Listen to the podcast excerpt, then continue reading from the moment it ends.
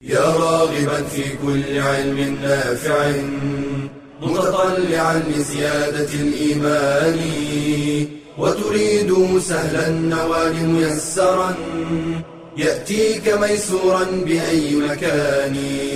زاد زاد أكاديمية ينبوعها. صاف صاف ليروي غلة الظمآن. والسيرة العلياء وعطرة الشدى. طيب يفوح لأهل كل زمان. بشرى لنا زاد أكاديمية للعلم كالأزهار في البستان. بسم الله الرحمن الرحيم. الحمد لله رب العالمين. والصلاة والسلام على المبعوث رحمة للعالمين. سيدنا محمد وعلى آله وصحبه أجمعين. أما بعد السلام عليكم ورحمة الله وبركاته. كنا قد تحدثنا في الدرس الماضي عن كيفية تعامل النبي صلى الله عليه وآله وسلم مع النوم كعبادة. ذاك النقص البشري في الناس إذا فقدوا الرغبة والحاجة إلى النوم. كان الرسول عليه الصلاة والسلام ينام كما ينام الناس وهذا من كماله عليه الصلاة والسلام. ولكنه كان يتعامل مع النوم كعبادة وذكرنا شيئا من هذه السنن التي علمناها النبي صلى الله عليه وآله وسلم. نتحدث اليوم عن تعامله صلى الله عليه وآله وسلم مع الاستيقاظ. ونفاجأ بأنه كان يعامل الاستيقاظ بمثل الاهتمام الذي كان يعطيه ويوليه للنوم إلا أن هنالك فارقا هاما. النوم إذا أردت أن تنام فأنت في وعيك. تعلم ما تقول ما تفعل تستعد للنوم وأنت في وعيك. لكن أن تستيقظ من نومك وتأتي بهذه العبادات فهذا لا شك أنه دليل على تعلق الإنسان بربه عز وجل. كيف يستطيع أن يستحضر الإنسان حال استيقاظه من نومه العميق أن يأتي بأذكار وأدعية يظهر فيها خضوعه وعبوديته لله عز وجل. كان صلى الله عليه وآله وسلم إذا انتبه من نومه. قال الحمد لله الذي أحيانا بعدما أماتنا وإليه النشور.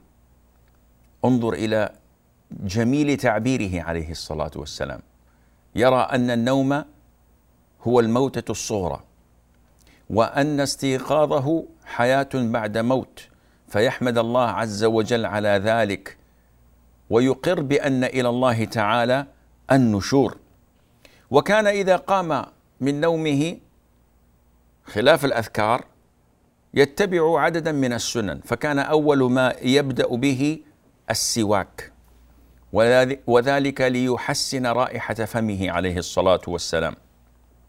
ثم بعد ذلك يبدأ بالوضوء كما جاء في الصحيحين عن أبي هريرة رضي الله عنه قال صلى الله عليه وآله وسلم يعقد الشيطان على قافية رأس أحدكم إذا هو نام ثلاث عقد. يضرب على مكان كل عقدة عليك ليل طويل فارقد. فإن صلى انحلت عقدة فأصبح فإن, فإن توضأ انحلت عقدة. فإذا أول ما يصحى أو يستيقظ الإنسان ثلاث عقد على رأسه. من الشيطان يثبطه لا تقم لقيام الليل لا تستيقظ نام وراك ليل طويل. يقول عليه الصلاة والسلام فإن استيقظ فذكر الله انحلت عقدة. الحمد لله الذي أحيانا بعدما أماتنا وإليه النشور. ذكر الله. وإن توضأ انحلت عقدة هذه الثانية بالوضوء. فإن هو صلى انحلت عقدة فأصبح نشيطا طيب النفس. هذا الذي أفلح في الاستيقاظ ومقاومة وساوس الشيطان وصلى يصبح طيب النفس نشيطا. قال عليه الصلاة والسلام وإلا يعني إن لم يفعل تلك الأمور الثلاث أصبح خبيث النفس كسلان. لذلك إن وجد الإنسان في نفسه تثاقلا أو ضيقا أو اكتئابا فليعلم لأنه لم يقم الليل ولم يتوضأ ولم يذكر الله كما أوصى عليه الصلاة والسلام. والرسول صلى الله عليه وسلم أوصانا إذا استيقظ أحدنا أن لا يجعل يده في الماء مباشرة. طبعا أيام زمان ما كان عندهم ال ال ال ال الصنبور ليتوضأوا منه بل كان عندهم إناء فيه ماء مجموع. فكان إذا أراد أحدهم أن يتوضأ أدخل يده في الإناء واغترف منه. هذا منهي عنه في الشرع لأن النبي صلى الله عليه وآله وسلم أخبرنا أن الإنسان لا يدري أين باتت يده. فلا بد أن يغسل يده بدون أن يدخلها في الإناء ثلاث مرات ثم بعد ذلك له أن يغترف. مباشرة من الإناء. أين باتت يده؟ بعض أهل العلم قال ربما يعني مس فرجه أو شيء من هالقبيل وهذا ليس بشيء لأن الإنسان حتى لو لبس قفازا ونام ثم استيقظ لابد أن يغسل يده ثلاثا لأن هذه أمور تعبدية. ولربما لمس شيطانا أو شيئا من هذا القبيل ولذا أمر عليه الصلاة والسلام. أنه إذا استيقظ أحدنا أن يستنثر ثلاثا يعني يستنشق ويستنثر الماء في أنفه ثلاثا لماذا؟ قال لأن الشيطان يبيت على خيشومه ونحن لم نرى الشيطان ولكننا نؤمن بهذا الحديث ولذلك نتبع أمره صلى الله عليه وآله وسلم. والنبي عليه الصلاة والسلام كانت له أذكار وأدعية جميلة غاية في الجمال إذا استيقظ من نومه. فمثلا كان يقول عليه الصلاة والسلام: اللهم لك الحمد أنت نور السماوات والأرض ومن فيهن ولك الحمد. أنت قيوم السماوات والأرض ومن فيهن ولك الحمد أنت ملك السماوات والأرض ومن فيهن ولك الحمد أنت الحق وقولك الحق ووعدك الحق ولقاؤك الحق والجنة حق والنار حق والنبيون حق ومحمد حق. اللهم لك أسلمت وعليك توكلت وإليك أنبت وبك خاصمت وإليك حاكمت. فاغفر لي ما قدمت وما أخرت وما أسررت وما أعلنت وما أنت أعلم به مني أنت المقدم وأنت المؤخر. لا إله إلا أنت. لا إله إلا الله. دعاء يقوله إذا استيقظ من نومه عليه الصلاة والسلام. انظر كيف كان قلبه مرتبطا بالله. كلمات غاية في الروعة وقد أوتي جوامع الكلم. كلمات قل أن تجد في المسلمين من يدعو بها بل قل إن شئت قل أن تجد في المسلمين من يستيقظ في جوف الليل ليناجي ربه مستفتحا بهذه الأدعية. وكم منا من لديه حالة من لديه فاقة من ركبه دين من عنده مريض من عنده حاجة يريد أن يتضرع إلى الله عز وجل كي يعطيه حاجته ويجيبه سؤله ويفرج كربه. ما من أحد منا إلا وعنده مسألة. أتريد أن تعرف كيف تدرك حاجتك ومسألتك؟ هذا ما سوف نعرفه إن شاء الله بعد الفاصل. فابقوا معنا.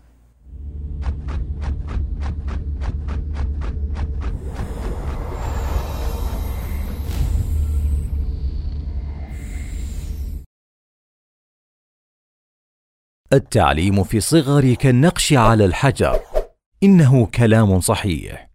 ولكن ذلك لا يعني حرمان كبار السن من طلب العلم ولا ييأس كبير السن من التعلم. فإذا علم الله منه حسن النية وفقه لجمع العلم الكثير في الزمن القليل. ولا يستحي كبير السن من الجلوس في حلق العلم مع الصغار. قال مجاهد لا يتعلم العلم مستحي ولا مستكبر. وزامل ابن الجوزي ابنه في تعلم القراءات العشر. وهو ابن ثمانين سنة. فانظر إلى هذه الهمة العالية. وقد تعلم أصحاب النبي صلى الله عليه وسلم في كبر سنهم. وكذا كثير من العلماء كابن حزم والكسائي والعز بن عبد السلام. ولأن يتعلم المسن خير من أن يستمر على التفريط. سأل مسن أيحسن بمثل أن يتعلم؟ فقيل له لأن تموت طالبا للعلم خير من أن تموت قانعا بالجهل. وليعلم الكبير والصغير أن أبواب العلم مفتحة للراغبين.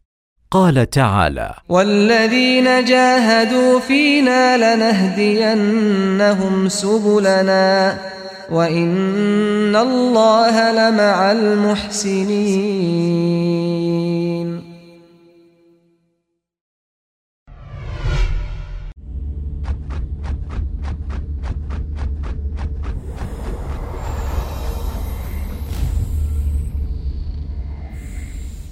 السلام عليكم ورحمة الله وبركاته. إن كانت عندك حاجة تريد أن تدركها فاستمع إلى هذا الحديث. روى الإمام البخاري عن عبادة بن الصامت رضي الله عنه أن النبي صلى الله عليه وآله وسلم قال: من تعار من الليل يعني استيقظ في جوف الليل فقال: لا إله إلا الله وحده لا شريك له له الملك وله الحمد وهو على كل شيء قدير.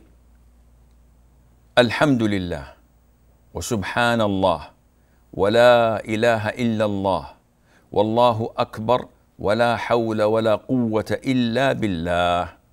أدعية بسيطة الشهادة وهذه الأذكار. يقول عليه الصلاة والسلام ثم قال اللهم اغفر لي. أو دعا استجيب له. فإن توضأ وصلى قبلت صلاته. إن استغفر أو دعا استجيب له. اذا أنت إذا عندك حاجة فاجتهد على أن تنام على وضوء وأن تستيقظ في جوف الليل عير الساعة على الثانية الثالثة فأول ما تستيقظ قل هذا الدعاء. وأنا جربت هذا الموضوع. وبفضل الله عز وجل ربما مكثت شهرا أو شهرين وأنا لا أدركه. أول ما يستيقظ الإنسان يذهب إلى دورة المياه وينسى تماما ثم إذا خرج تذكر. لكن بعد ذلك أكرمني الله عز وجل بأني أصبحت أقول هذا الدعاء. وما من حاجة أريدها إلا بفضل الله عز وجل يؤتيني الله تعالى إياها أو خيرا منها. لأن الله عز وجل يستجيب من قلب الإنسان الذي هو مفتقر إليه، محتاج إليه، ونحن والله في أمس الحاجة إلى كرم الله عز وجل علينا. فما منا من أحد إلا وهو مفتقر إلى كرم ربه عز وجل، لكن اجتهد وحاول أن تلتزم بهذه السنة. قيام الليل كما وصف عليه الصلاة والسلام شرف المؤمن. ولذلك قال عليه الصلاة والسلام أفضل الصلاة بعد المكتوبة في جوف الليل. أفضل الصلاة بعد المكتوبة الصلاة في جوف الليل. وابن عباس رضي الله عنهما يحكي لنا مرة أنه بات عند خالته ميمونة رضي الله عنهما. و تظاهر بأنه نام ليرقب فعل الرسول عليه الصلاة والسلام. وكان غلاما صغيرا معلما. فيحكي أن الرسول نام حتى نفخ عليه الصلاة والسلام استغرق في النوم ثم استيقظ. ولما استيقظ على نصف الليل أو قبله أو بعده بقليل مسح النوم عن وجهه. وهذه من السنن أن تمسح النوم عن وجهك. ثم قرأ العشر الآيات الخواتيم من سورة آل عمران. إن في خلق السماوات والأرض واختلاف الليل والنهار إلى آخر الآيات. ثم قام إلى شن. قام إلى شن يعني إلى قربة صغيرة فتوضأ منها وأحسن الوضوء ثم قام يصلي. إذا هذا كان ديدنه صلى الله عليه وآله وسلم. النبي عليه الصلاة والسلام عباداته كانت أكمل العبادات. ولكنه كان بالمؤمنين رؤوفا رحيما صلى الله عليه وآله وسلم بمعنى أنه ربما أحب العمل ولكنه تركه خشية أن يشق على أمته. لولا أن أشق على أمتي لأمرتهم بالسواك عند كل صلاة. الخشية من أن يثقل على أمته. صلى بهم التراويح ثلاثة أو أربع ليال. ثم امتنع عن الخروج للصلاة. فسألوه قال إني خشيت أن تفرض عليكم. فكم كان يحب الأعمال ولكنه يتركها خشية أن يشق على أمته. ولذلك كان ينهى عن الغلو. وكان يأمر أصحابه بالاعتدال والتوازن وإن المنبت لا أرضا قطع ولا ظهرا أبقى. كان ينهاهم عن التشديد ويقول إن منكم لمنفرين من أما الناس فليخفف فإن فيهم الضعيف وذا الحاجة والكبير. هذا ديدنه عليه الصلاة والسلام الاعتدال والتوازن لكي لا تنفر النفس. ولا يكون هنالك مدخلا للشيطان. والحديث حديث الثلاثة الذين أتوا إلى بيوته عليه الصلاة والسلام يسألون أزواجه عن عبادته فكأنهم تقالوها. قالوا غفر الله له قد غفر الله له ما تقدم من ذنبه وما تأخر. حاله ليس كحالنا. ما يحتاج أنه يتعبد الله كثيرا. لذا أحدهم قال أما أنا فأصلي ولا أنام. وقال الآخر وأما أنا فأصوم ولا أفطر وقام الثالث فقام, فقام وقال وأما أنا لا أتزوج النساء. فلما بلغت مقولتهم النبي عليه الصلاة والسلام صعد على المنبر وخطب في الناس بعد أن حمد الله وأثنى عليه وقال ما بال أقوام يقولون كذا أما أني أصلي وأنام وأصوم وأفطر وأنكح النساء. من رغب عن سنتي فليس مني. كلام صريح وقوي. صلى الله عليه وآله وسلم يبين لأمته أن الاعتدال في العبادة هو الأفضل والأقرب إلى ربنا عز وجل. كذلك حديث عبد الله بن عمرو بن العاص المعروف رضي الله عنهما عندما أنكحه أبوه امرأة شريفة من قريش وجاء يعوده أو يتفقد أحواله بعد أسبوعين ثلاثة أسابيع. فرأى زوجة ابنه فسأل عن حالها فقالت نعم الحال عبد الله يصوم النهار ويقوم الليل. تمدحه ولكن في مدحها شيء من التذمر. وعمرو بن العاص رجل من يعني عقلاء العرب. فهم مقصودها أن الرجل يصوم النهار ويقوم الليل لا حاجة له في النساء. فاشتكى النبي عليه الصلاة والسلام فأمره الرسول عليه الصلاة والسلام بأن يحضر عبد الله. فأتى عبد الله وسأله الرسول عليه الصلاة والسلام عن عبادته فأخبره وكان صلى الله عليه وسلم ينقص من تلك العبادة. سأله كم تقرأ القرآن؟ قال أقرأه في ليلة. كل ليلة يقوم بالقرآن كاملا. فنهاه عن ذلك وأمره أن يختم القرآن مرة كل شهر. وسأله عن الصيام فقال أنه يصوم كل لي كل يوم. فنهاه عن ذلك وأمره بأن يصوم ثلاثة أيام من كل شهر. والحديث معروف. الشاهد أن الرسول عليه الصلاة والسلام أعطاه القاعدة الذهبية. فقال له إن لربك عليك حقا. وإن لزوجك عليك حقا. وإن لزورك أو لضيفك عليك حقا.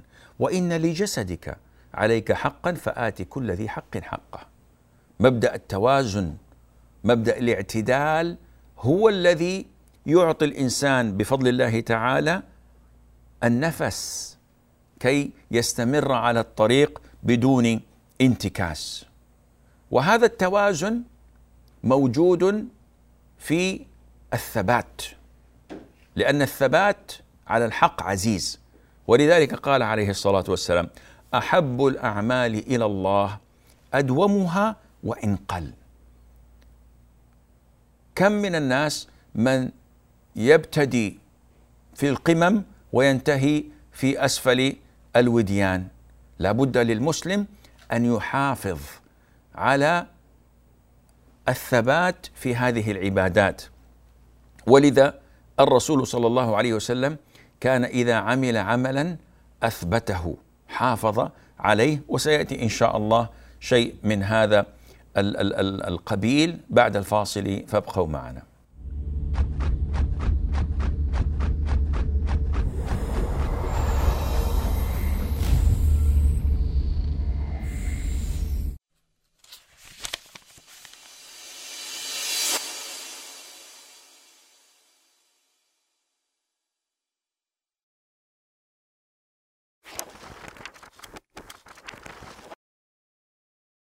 عن أبي ذر رضي الله عنه قال سألت رسول الله صلى الله عليه وسلم أي الجهاد أفضل؟ قال أن تجاهد نفسك وهواك في ذات الله عز وجل.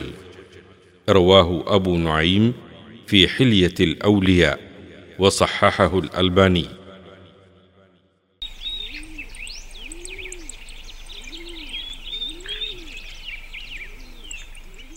قال ابن القيم رحمه الله تعالى السنة تفسر الكتاب وتبينه والذي يشهد الله ورسوله به أنه لم تأت سنة صحيحة واحدة عن رسول الله صلى الله عليه وسلم تناقض كتاب الله وتخالفه البتة كيف؟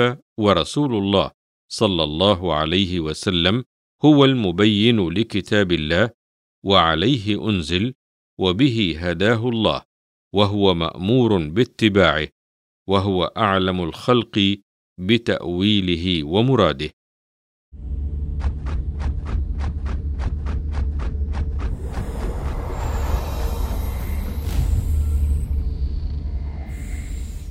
السلام عليكم ورحمة الله وبركاته.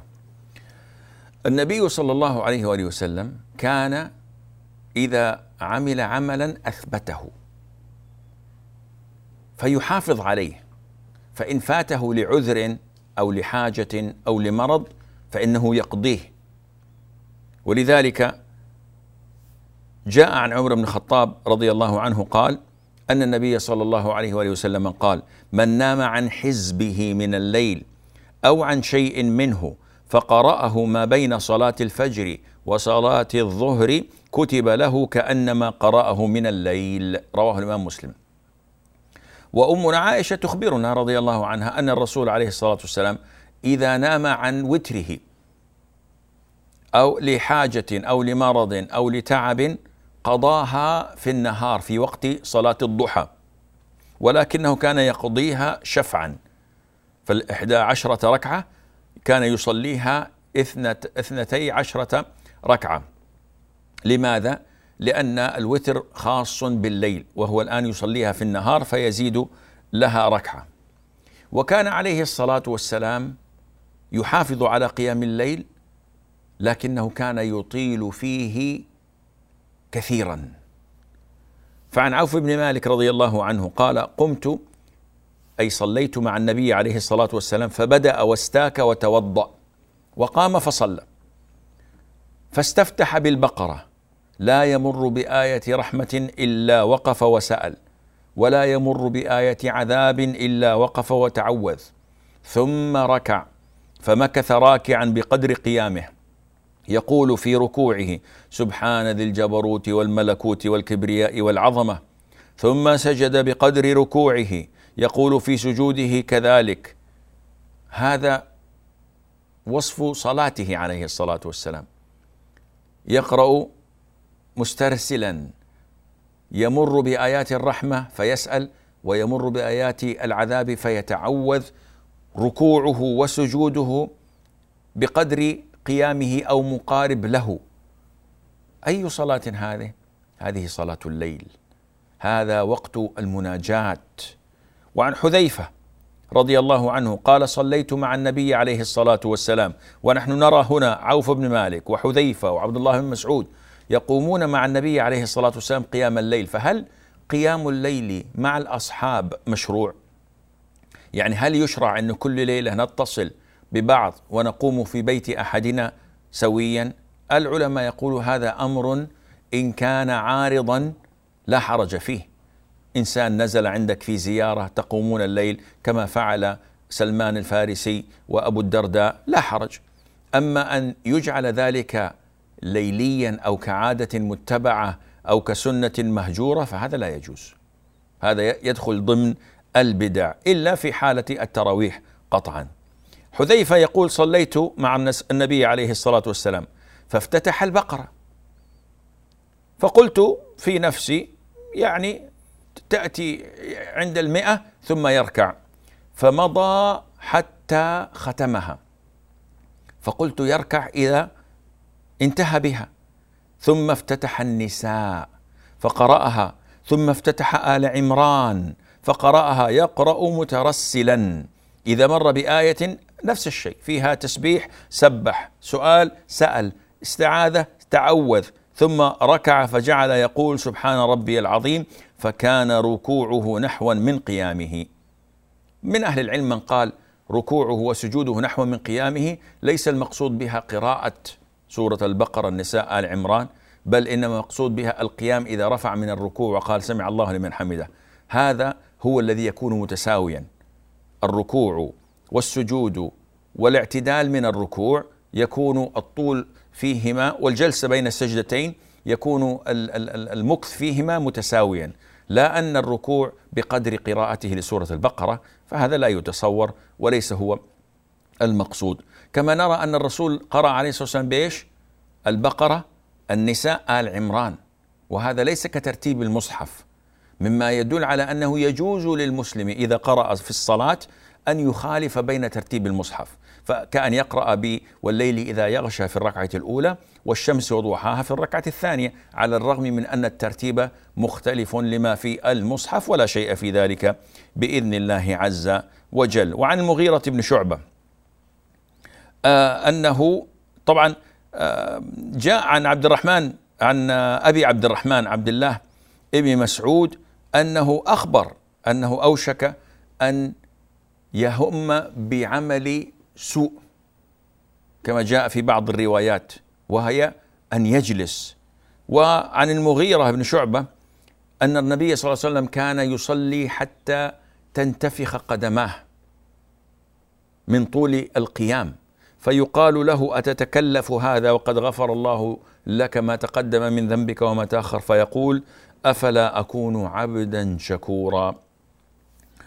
و عائشة رضي الله عنها وأرضاها سئلت عن صلاته صلى الله عليه وآله وسلم بالليل آه، آه، أو في رمضان خاصة فقالت ما كان عليه الصلاة والسلام ليزيد في رمضان ولا في غيره على إحدى عشرة ركعة. يصلي اربعا لا تسأل عن حسنهن وطولهن. وهذه العبارة أوهمت البعض بجواز صلاة الليل أربع ركعات متتالية وهذا خطأ. فالنبي صلى الله عليه وسلم قال صلاة الليل مثنى مثنى. فإن خشيت أو خفت الصبح فأوتر بواحدة. فصلاة الليل لا تكون إلا بركعتين منفصلة وركعتين منفصلة. إلا في أمور الوتر فهذه حالة خاصة. فالإنسان له أن يوتر بثلاث ركعات متصلة يجلس في آخرها فقط لا يجلس في التشهد الأول لكي يخالفها عن المغرب. وله أن يصلي بخمس يجلس في الخامسة أو بسبع يجلس في السابعة أو بتسع يجلس في الثامنة ثم يقوم ثم يتشهد في التاسعة ويسلم منها. وعن عبد الله بن مسعود رضي الله عنه الحديث الذي تقدم معنا يقول صليت ليلة مع النبي عليه الصلاة والسلام فلم يزل قائما أي أطال القيام جدا حتى هممت بأمر سوء. قيل له وما هممت به؟ قال هممت أن أقعد وأدع النبي عليه الصلاة والسلام يعني أتركه قائما. طبعا هذا ليس بأمر سوء لأنه مباح. يجوز للمسلم أن يصلي قاعدا لكنه يعني استحى أن يصلي قاعدا والنبي عليه الصلاة والسلام قائم. والرسول عليه الصلاة والسلام كان يصلي آخر حياته جالسا بعدما كبر في السن. روى الإمام البخاري ومسلم عن أمنا عائشة أنها قالت أنها لم ترى رسول الله صلى الله عليه وسلم يصلي صلاة الليل قاعدا قط حتى أسن يعني حتى كبر في السن. وروى مسلم عن أمنا عائشة تقول لما بدن رسول الله صلى الله عليه وسلم وثقل كان أكثر صلاته جالسا. لما بدن. بعض الناس يخطئ يخطئ فيقرأ لما بدن. بدن بمعنى ثقل في جسمه وكثر لحمه. وذكرنا نحن في صفته عليه الصلاة والسلام في شمائله أنه لم يكن كثير اللحم ولم يكن سمينا عليه الصلاة والسلام. فهذا خطأ. أما بدن تبدين فهذه معناها أنه كبر في السن.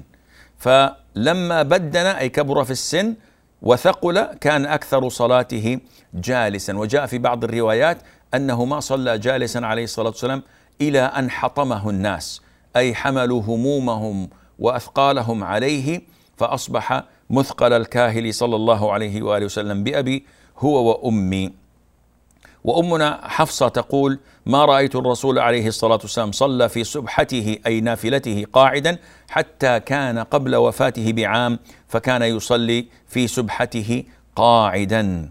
والجلوس ليس له صفة محددة أفضلها أن يتربع لأنه أوقر وأكثر إمكانية للتركيز والإطمئنان في الصلاة. ولا شك أن من صلى قائما كما جاء في الحديث فهو أفضل. وهذا خاص بالنافلة. أما الفرض فهذا ركن أن يصلي الإنسان قائما إن كان قادرا. وأتعجب من بعض الإخوة الذين يصلون في المساجد تجده يمشي ويذرع المسجد بلا أي إشكالية ولا, ولا يعرج. وتجده يأخذ الكرسي من آخر المسجد إلى أوله ويضعه ثم يجلس يصلي عليه الفريضة. لماذا لا تقوم؟ تستطيع تمشي تستطيع أن تقف تستطيع أن تحمل الأشياء. فإذا جاء في الفريضة جلس. هذا صلاته مرفوضة مردودة لأن ركن من أركان الصلاة القيام مع القدرة. قال عليه الصلاة والسلام ومن صلى قاعدا فله نصف أجر القائم. ومن صلى نائما فله نصف, نصف أجر القاعد. ويخطئ البعض من ظنهم أنها سنة. فتجد الإخوة يصلون سنة المغرب وهم جالسون. هذول لهم نصف الأجر. وإذا سألتهم لماذا تفعلون ذلك قالوا كان الرسول يصلي السبحه أو النافلة قاعدا. وهذا جهل منهم بسنته صلى الله عليه وآله وسلم. هذا والله أعلم ونسبة العلم إليه أسلم. وصلى الله وسلم وبارك على نبينا محمد وعلى آله وصحبه أجمعين. والسلام عليكم ورحمة الله وبركاته. يا راغبا في كل علم نافع متطلعا لزيادة الإيمان وتريد سهلا النوال ميسرا. يأتيك ميسورا بأي مكان. زاد زاد أكاديمية ينبوعها. صاف صاف ليروي غلة الظمآن. والسيرة العلياء وعطرة الشدى. طيب يفوح لأهل كل زمان. بشرى لنا زاد أكاديمية للعلم كالأزهار في البستان.